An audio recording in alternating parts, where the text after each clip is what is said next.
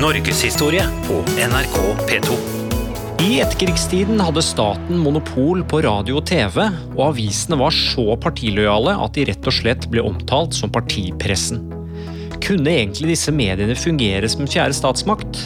Med meg for å svare på dette har jeg professor i statsvitenskap ved Universitetet i Oslo, Øyvind Østerud, og professor i medievitenskap ved Høgskolen i Volda, Henrik Grue Bastiansen. Velkommen eh, hit. Mange takk. Takk for det. Eh, Henrik, når fikk vi egentlig en kritisk presse her i landet?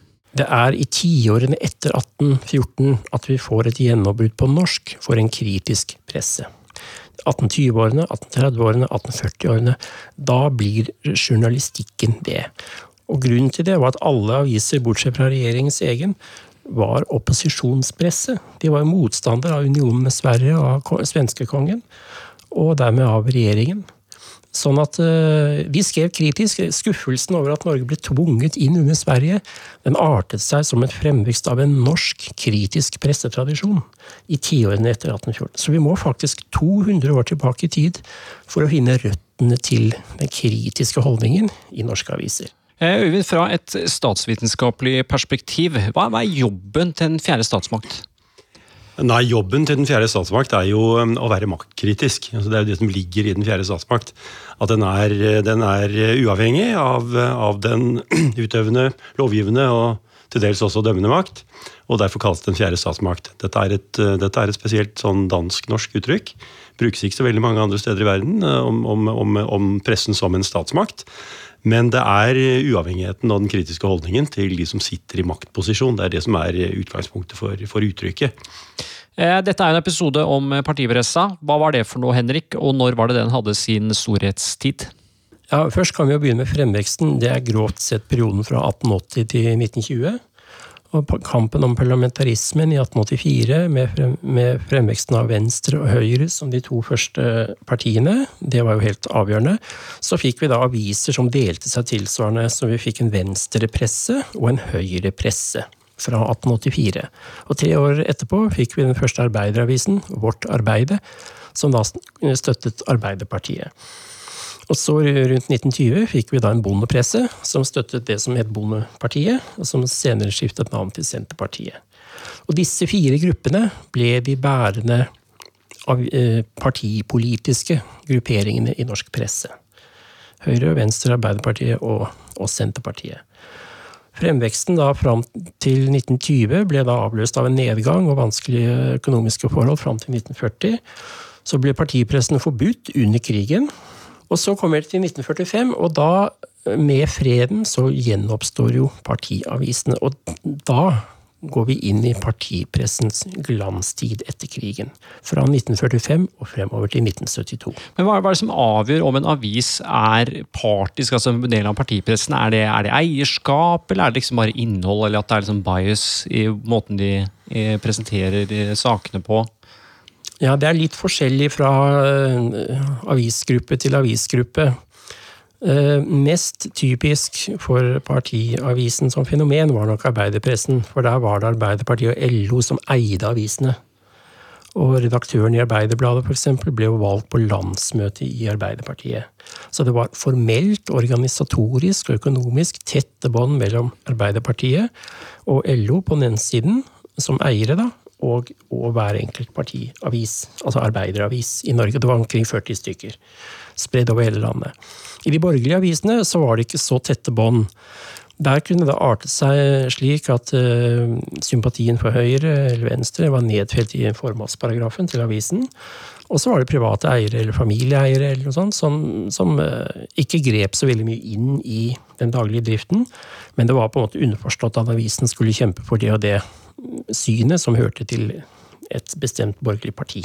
Mm. Det var, jo, det var jo, som det ble sagt her, store forskjeller. En stor avis, stor avis som Aftenposten var en, var en, del av høyrepressen, ansett som det, men um, definerte seg selv som uavhengig konservativ på et vis. Sånn at den hadde liksom en, et frirom i forhold til partiet Høyre. Eh, Dagbladet var en eh, venstreavis, men, men, men, ja, venstreavis. Det var noe som ble kalt Dagbladet Venstre, som var en eh, fløy innen Venstre, som, som, dominerte Dagbladet. Det var, ikke, liksom, det, det var, ikke, i nærheten av det som var Arbeiderpartiets eh, grep på, på Arbeiderbladet. Med, med ansettelse på, på landsmøtet og, og det hele. Men, men, de støttet sine partier. Aftenposten støttet Høyre ved valgene. Dagbladet støttet Venstre.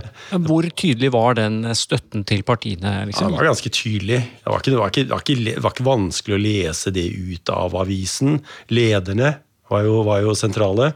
Uh, og, og, en annen ting som er, som er uhyre karakteristisk for, for perioden under da partiavisene var på sitt mest dominerende, fra 45 til begynnelsen av 70-tallet, var jo at de skrev lange politiske referater. Aftenposten kunne ha to-tre sider stortingsreferater, debatt i Stortinget. Og så hadde de kommentarer hvor de tok eh, stilling til dette og kommenterte det ut fra sitt partistandpunkt.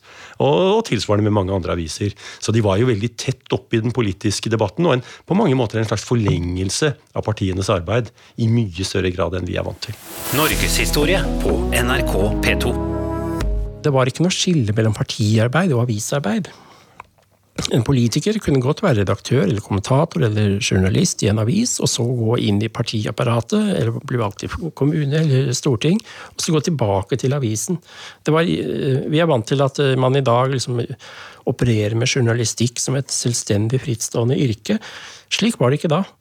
Eh, og hele vitsen med disse partiavisene var altså å påvirke velgerne til å stemme på avisens parti. De var en del av en slags eh, uendelig lang valgkamp, da? Ja, og man trodde at det var en direkte årsakssammenheng mellom opplaget og stemmetallet for, for partiet. Slik at et parti som ikke hadde en avis på et utgivet sted, var jo da redd for påvirkning fra de andre eh, partienes aviser, og måtte da liksom sette i gang eh, for å starte en avis på det stedet. Og motpartens aviser har gått frem eller tilbake, og vår har gått frem. ikke sant? Altså, Man trodde at det var en direkte årsakssammenheng. Nei, noe av det som var, dette er, jo, dette er jo treffende, og noe av det som var bakgrunnen for det, er at velgerne var også mye mer pålitelige og stabile. Eh, mange velgere ble født i Arbeiderpartiet og døde i Arbeiderpartiet. Og mange velgere var, var født i en Høyre-familie, og de døde i en Høyre-familie. Så de var, de var, mye mer stabile fra valg til valg. Det var, mye, det var, mange flere som var medlemmer av de politiske partiene. Større andel av velgerskaren var medlemmer av partier. Og, og, og velgerne var mer trofaste. Så det var et visst grunnlag for å tro dette. Og så hadde de en partipresse som understøtter det, som appellerer til, til sitt partis velgere. Og, de, og de kjente dem igjen. De visste hvem de var. Og det er jo dette som sprekker rundt 1970, eh, begynnelsen av 70-tallet. Men jeg bare lurer På altså, da, på 50-60-tallet, når vi har denne eh, pressen som er så nært knyttet opp til partiene, altså, gir det noe mening å si at vi da hadde en fjerde statsmakt? Skal, statsmakten ja. må jo være uavhengig. Dette er jo total avhengighet. Ja, det gir en, jo, det gir en viss mening fordi du hadde, spenn, du hadde, du hadde vingefanget mellom pressen med ulike tilknytninger. Og de var i første rekke kritiske overfor andre partiers velgere og andre partiers regjeringer. Så overhodet sånn ikke objektive, nei, altså, men nei, likevel kritiske? Varierte jo litt. varierte jo litt. Altså, en avis som Dagbladet var jo litt sånn, det var, det var mange kanarifugler under taket i mange aviser. Så det var, ikke, det var ikke helt massivt. Men, men, men, det var en betydelig grad av lojalitet til partiene. Og hvor mye av det kritiske kom i forhold til andre aviser, andre presseorganer, andre politiske ledere enn ens egne. Mm. Det var ikke noen motsetning mellom det å være partipresse og det å drive kritisk journalistikk. De drev bare kritisk journalistikk om, om alle de andre partiene, og ikke eget parti. Men det betyr jo samtidig at eh, pressen ikke jagde i flokk. Som, eh, som, vi er blitt vant til at de gjør. Du hadde ikke liksom mediedrevet i samme retning. Det var en mye større grad av, av kamp på tvers, hvor uh, avisene var rykende uenige. Og, og hudflettet motparten og, og, forsvarte sine egne. Mens du etter oppløsningen av partipressen i mye grad fikk en helt annen situasjon. Hvor, hvor avisene kunne være samstemte, de kunne jage i flokk, de kunne ha en helt annen trøkk i samme retning. Og det hadde du ikke. Mm. Ja, Avisen er jo én ting, men det virkelig nye i etterkrigstiden var jo radio og TV. Hvorfor ble dette monopolisert av staten, Henrik? Hva var rasjonalet bak eh, det? Jo, radioen kom i 1920-årene. Men så i 1929 så inntraff det en krise. Dette var private kommersielle radiostasjoner som var lokalt eh, drevet. Mens flere og flere begynte å oppfatte at kringkasting var egentlig en landsoppgave, en statsoppgave som burde være noe annet enn lokale eh, reklamebaserte kanaler. Og det var et skifte som skjedde med store debatter og, og mye oppslag rundt 1929-30. Og så gikk det utvikling frem til 1933, hvor da Stortinget vedtok vedtok en statsdrift og en samling av disse private radiostasjonene under, innunder det som loven, den nye loven da, eh, kalte Norsk Rikskringkasting, NRK. Og Den begynte da å gjelde i 1933. Så lå det også i denne loven, som opprettet NRK, at også kringkasting med bilder over tråd osv. lå innenfor NRKs virke. Altså Det var en selvfølge når TV-en kom at den skulle inn under det monopolet? Ja, altså man visste om fjernsyn i 1933. Det var eksperimenter i London og forskjellige ting, og avisene skrev om dette. Så man visste at fjernsynet ville komme i fremtiden. Så loven og lovgiverne var såpass forutseende at de la fjernsynet inn under NRK helt fra starten. Men Var dette monopolet i dine øyne var det et, eh, noe som forhindret at eh, mediene spilte en eh, enten objektiv eller litt kritisk rolle? Ja, jeg tror man må skille mellom radio og TV på den ene siden, og, og presisere hvilken periode man snakker om. Hvis vi tar perioden fra 1945 og fremover, som vi snakker om i denne podkasten, så var radioen det store, samlende medium. Det var én radiokanal for hele folket. Og det var aldri før eller siden har én kanal hatt hele folket som publikum. Mm. Fra 1945 og til begynnelsen av 1960-tallet. Og det betyr at et ord som var sagt i radioen, det var noe da alle hadde hørt, og alle visste. Det gjorde altså at eh, vi fikk en felleskultur. I ettertid, i dag, så kan vi jo se at Torbjørn Egner, Alf Prøysen, Anne-Kat. Vestli ja, de kom jo i radioen med Barnetimen akkurat i disse årene. Det er derfor de er så kjente. Det har vi en tendens til å glemme. De var radiofenomener i radioens monopoltid. Mm. Så radioen bidro til å samle landet. Eh, alle hørte det samme, og til å knytte oss ulike landsdeler sammen, lytterne sammen i et usynlig fellesskap. Et slags eh, stødig fyrtårn i et virvar av eh, partiske aviser. Men var det noe kritisk innhold eh, her, eller var det mer sånn opplysende godslig barne-TV? Det var lite kritisk journalistikk i norsk radio i 50-årene og slutten av 40-årene. Det, det, er den store samlende radiokanalen vi snakker om her, med, med et lett, kanskje etablert preg, da. Så kommer fjernsynet i 1960, da det åpnet. Og eh, så ble det plutselig konkurranse mellom radio og TV. Og folk elsket dette TV-mediet helt fra starten. Og gradvis utover på 60-tallet så ser vi at journalistikken i fjernsynet begynner å bli mer kritisk. Til å begynne med var den høflig og, og distansert og, og, litt reservert. Man sa de til hverandre og, og sånn. Eh, men utover på 60-tallet så ser vi en fremvekst av en revolverjournalistikk hvor de gikk mye lenger. Per Øyvind Heradstveit i Dagsrevyen eh, var en som sjokkerte seerne ved å gå direkte på sak og spørre uh, politikere om kontroversielle ting. Og det, det var ikke ventet på den tiden at en journalist skulle ta opp nye ting, introdusere kontroversielle ting som ikke lå i saken fra før. Det gjorde han. Norgeshistorie på NRK P2. Partipressens vekst og fall. På 70-tallet, da skjer det ting. For ikke bare begynner dette radio- og TV-monopolet å slå sprekker, men partipressa forsvinner også. Hvor, hvor ble det av partipressa, Henrik? Ja, det, det, kan man si veldig mye om. Hvis jeg skal knytte det litt først an til det vi nettopp har snakket om, hver gang fjernsynet hadde partipolitiske sendinger, slik som valgsendingene og Kings Bay og sånne ting, så var partiavisene eh, helt med, altså med spissede ører. Fordi de så nå at fjernsynet eksponerte talere fra alle partier og behandlet dem likt. Det hadde ikke partiavisene gjort. For en partiavis så var motstanderne idioter. ikke sant? TV-seerne kunne se at eh, politikere fra alle partier var fornuftige. De hadde rasjonelle argumenter, de var uenige. Men, men det var ett argument, det var et annet argument. og Fjernsynet behandlet dem likt. Så for partiavisene så ble det da viktig å kontrollere fjernsynets effekt på velgerne. Og hvordan skulle de gjøre det? Jo, de måtte jo omtale disse sendingene, valgsendingene særlig, men også andre. Og så måtte de farge inntrykket av disse sendingene slik at de var i favør av eget parti. Men Hvorfor funka ikke det? Hvorfor endte det med, med at, de, at de forsvant? Jo, eh, dette gjorde de da utover 60-tallet. Og eh, partipressen da ble på en måte mer og mer utfordret av fjernsynet ettersom flere og flere seere kom til. Rundt 1970 og fremover så var jo nesten hele landets befolkning blitt til TV-seere. Fjernsynet var da landets største massemedium. Så kom vi til 1972, og der, det er det store skillet. For da vi, kommer EF-striden, striden om norsk medlemskap i EF, eh, e eller EU som det heter nå. Og det ble et vannskille også for partipressen. Ja, Hva var spesielt med EF-striden og mediene, Øyvind? Den rystet velgerne løst fra sine partier. De stemte til dels på tvers av partiledelsen. Eh, mange Arbeiderparti-velgere stemte mot medlemskap i EU, til tross for at ledelsen var klart for. Eh, mange innenfor eh, andre partier også var, var illojale mot partiledelsen. Og velgerne, det, dette, var liksom, dette var toppunktet, startpunktet for at velgerne kom på vandring på en annen måte enn før.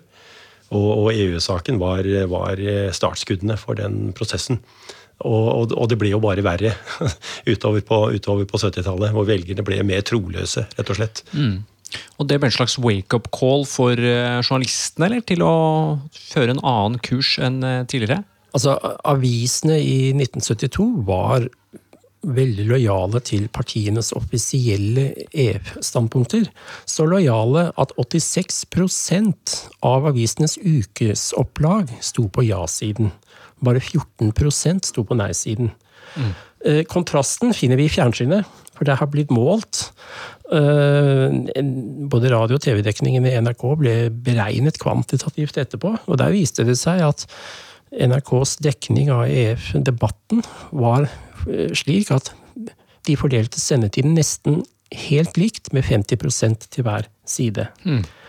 Og så endte valgresultatet opp med 52-53 eh, på nei-siden og 47-48% ca. Altså en 2-3% over og under. ikke sant? Mm. Sånn at TV-dekningen i NRK kom faktisk veldig nær avstemningsresultatet i folkeavstemningen, mens pressen skilte seg veldig fra valgresultatet. Og etterpå etter at dette hadde skjedd, så begynte pressefolk da å si at vi kan aldri mer stille oss i motsetning til flertallet av leserne. Og Det gjorde at fra 72 og fremover så ble det konflikter mellom avisene og partiene. I alle disse fire gruppene. Og det er starten på sammenbruddet for partipressen. Altså, dette høres eh, fantastisk ut. Altså, her får vi en, en, uavhengig presse. Vi får også opphevelse av eh, både radio- og TV-monopol, så vi får mer mangfold, om du vil. Eh, er ikke det, var ikke det helt fantastisk jo, for det, jo, jo, det er jo det som er det interessante spørsmålet, da, og det åpne spørsmålet som har vært stilt ofte. Får vi mer mangfold? Eh, mange, mange, har sagt, og med betydelig rett, at nja, avisene ble mer like hverandre. Eh, de, de, fikk noe av den samme rekrutteringen til journalistyrket ble, ble, ble, mer lik. De hadde mer eh, samme bakgrunn. De utviklet en ideologi, en felles ideologi som ble kalt for journalismen i kjølvannet av oppløsningen av partipressen, som betyr at nei, vi skal være maktkritiske, men vi skal heller ikke lefle med, med folkets smak i alle saker. Vi skal være antipopulistiske, som det heter i dag. Og, og, og, liksom, og dette var, dette var en, en, felles oppfatning som gjorde seg gjeldende i alle avisene. Og så fikk en da denne endringen i partipolitisk rekruttering, hvor det har vært gjort studier som viser at tre fjerdedeler av journalistene i norsk presse er, er sentrum-venstre eh, stemmer. Så Nei, kan også si på mange måter at mangfoldet ble mindre. Fordi de i større grad ble lik hverandre. De konkurrerer om de samme tingene. De trekker i takt. Og de blir mer personfokusert enn de tidligere var. Fordi de ikke lenger har som forpliktelse å formulere langsiktige alternativer. Referere fra stortingsdebatter. De blir mer dagsaktuelle, og de blir mer personorientert. Og det var felles for, for alle. Ja. Var det mer mangfold med partipressen, eh, Henrik? Altså, egentlig var det borgerkrig mellom avisene fra dag til dag. Og under partipressen så artet dette seg slik at det var et grunnleggende skille mellom regjeringspressen på den ene siden og opposisjonspressen på den andre siden. opposisjonspressen drev jo kritisk journalistikk hele tiden på, på regjeringen, på hva den gjorde, og på regjeringens presse. Uh, mens regjeringens presse, altså avisene til de partiene som satt i regjeringen, forsvarte, eller fikk til oppgave å forsvare den sittende regjeringen. En, en, statsråd som hadde gjort noe dumt, fikk et forsvar i egen presse og ble angrepet av motpartens presse. Når partipressen forsvant, så forsvant også det skillet. Alle går i opposisjon, alle kritiserer en statsråd som har dummet seg ut. Ingen tar vedkommende i forsvar. Nei, dette er, jo, dette er jo, veldig slående. Og det, det betyr også at politikere, embetsverk, alt som drev med politikk profesjonelt, de får brannslukking som en helt sentral oppgave. Branner som pressen har tent eller gravd frem. Så brannslukkingen blir helt sentral. Og, og, og, politikerne går i en evig uro for hvilken sak kommer opp nå i vårt parti. Og det, det, det, har jo sammenheng med at veldig mye av mediestormene var, var en slags jakt på enkeltpersoner konkrete personer. Altså det, var, det, var, det var Tore Tønne-saken, og det var eh, stormen mot Jagland, og det var eh, Trond Giske eh, nyligere. Og, det liksom, og dette, er, dette, er, drømmen for, for, for, en journalist, for en avis. Finne, finne liksom den store personskandalen som, som virkelig gir gjenklang. Og, og, der er de like, i mye større grad enn de var i partipressens tid. Mm. Eh, Henrik, det snakkes mye om polarisering i våre dager. Er partipressen på vei tilbake? Mitt svar er at nei, den er ikke det. For partipressen var et eget system. Den hadde den daglige partijournalistikken i spaltene, kommentarer, lederartikler og fargede referater fra Stortinget. Alt det forsvant. Og så var det altså den innbyrdes debatten mellom partiaviser av ulik farge. Altså borgerkrigen fra dag til dag som man utkjempet, ikke sant? den forsvant også. Disse tingene kommer ikke tilbake. Men det betyr ikke at ikke enkeltaviser kan begynne å flagge sine standpunkter tydeligere enn de har gjort i perioden siden For, for det har vi sett eh, nå nylig, har vi ikke det? Jo, og det er veldig interessant. Altså, foran stortingsvalget i 2009 så skrev Dag, Dagsavisen en lederartikkel som de satte på førstesiden, hvor de anbefalte å stemme, nei, leserne å stemme rød-grønt. Altså på Stoltenberg-regjeringens eh, partier. Dagens Næringsliv skrev ved samme valg en, en leder på førstesiden hvor de anbefalte leserne å stemme på Høyre. Og Den type direkte oppfordring til eh, hva man skal stemme på, det har man ikke sett på en stund? Eller? Nei, det var jo også noe som kjennetegnet partipressen. Ja. Altså Stem Arbeiderpartiet i dag, stem Venstre i dag, i dag stemmer vi Senterpartiet. Altså Det var jo valgdagens hovedoppslag i partiavisene. Mm. Det var jo sånne ting. Men, men, men det som er den viktige forskjellen, det er jo at nå gjør de det uten forpliktelser. De gjør det fordi vi føler at dette er riktig akkurat nå. Eh, og, de gjør det i, i, lys av at noe av det viktigste som driver pressen, er, er eiernes krav til avkastning. Altså Det er jo helt sentralt. Og så har de noen oppfatninger som, som ligger i redaksjonen, og så kjører de det som en anbefaling ved, ved valgene det, dette, er jo, dette, er jo, kjent fra andre land også, sånn som britiske aviser som kjører ut sånne, sånne, ting.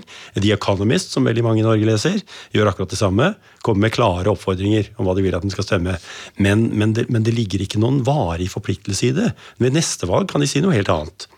Og, og det avhenger av hvordan de vurderer den aktuelle situasjonen, og hva avisen er tjent med akkurat nå. Så, så, så, så det, er, noe annet enn det vi hadde under partipressen. Det er, det er, liksom, det er litt elementer som ligner, mm. men, men, grunnleggende sett så er det noe annet. Mm. På 90-tallet, bare for å si det først, så fikk vi altså en rekke med uavhengighetserklæringer i avisene. De endret sine formålsparagrafer og, og navn, sånn at de ikke skulle være partipolitiske. Og så ble partipolitisk uavhengighet det nye idealet i norsk presse. Altså 1990-tallet. Det er så sent som det vi snakker om. Uh, men samtidig så var det nok mange pressefolk som følte at Mistet vi noe nå? Hva, hva, vi, hva, skal vi nå kjempe for? Hva er egentlig hensikten med journalistikken? Hvilken samfunnsoppgave skal vi ha når vi ikke lenger skal kjempe for vårt parti og mot de andre? Så I den situasjonen, som egentlig var en slags presseideologisk vakuum, så begynte presseorganisasjonene å snakke om at pressen har et samfunnsoppdrag. Og Siden har det blitt videreutviklet veldig mye frem til i dag, og nå snakker alle om pressens samfunnsoppdrag som om det skulle være noe veldig fast. Det var det egentlig ikke. Det var eh, behov for å definere det fordi partipressen forsvant. Så det vi ser nå, er kanskje at noen aviser vil prøve å ta tilbake litt av rollen de hadde tidligere. Kanskje det ikke var så dumt å ha noe å kjempe for. Nei, nei. Mm. Ha standpunkter, være tydelig og klar. Det kan jo også ha sammenheng med fragmenteringen av opinion i sosiale medier. Mm. At det er, en, det er, en, form for profilering som går, som går litt utenpå det som, det som, er eh, det sentrale i, i, de sosiale mediene. Og at de, en, at de, står i en konkurransesituasjon i forhold til mye av det som skjer i, i, på nettet. Eh, som, som, også kan bidra til at en eh, klarere profil kanskje kan være interessant for dem, og viktig. Og så har vi også et nytt trekk som vi vel ikke hadde under partipressen, og det er, det er kommentariatet. Altså alle kommentarjournalistene, som, som jo har sine meninger. Altså mm. dette, er jo, dette, er jo, politiske aktører. Kommentariatet er politiske aktører, men, men, men, de er ikke underlagt avisens disiplin på samme måten, og de har en, en relativt fri stilling. Men, men det, er jo, det er jo deltakere i den politiske debatten i veldig høy grad. Øyvind Østerud, Henrik Ruud Bastiansen, tusen takk til dere. Du lyttet til serien Medienes stemmer og maktens sensur, produsert av Norgeshistorie ved Universitetet i Oslo. Mitt navn er Anders Brenna, og ansvarlig for denne serien er Ellen Katrine Lund.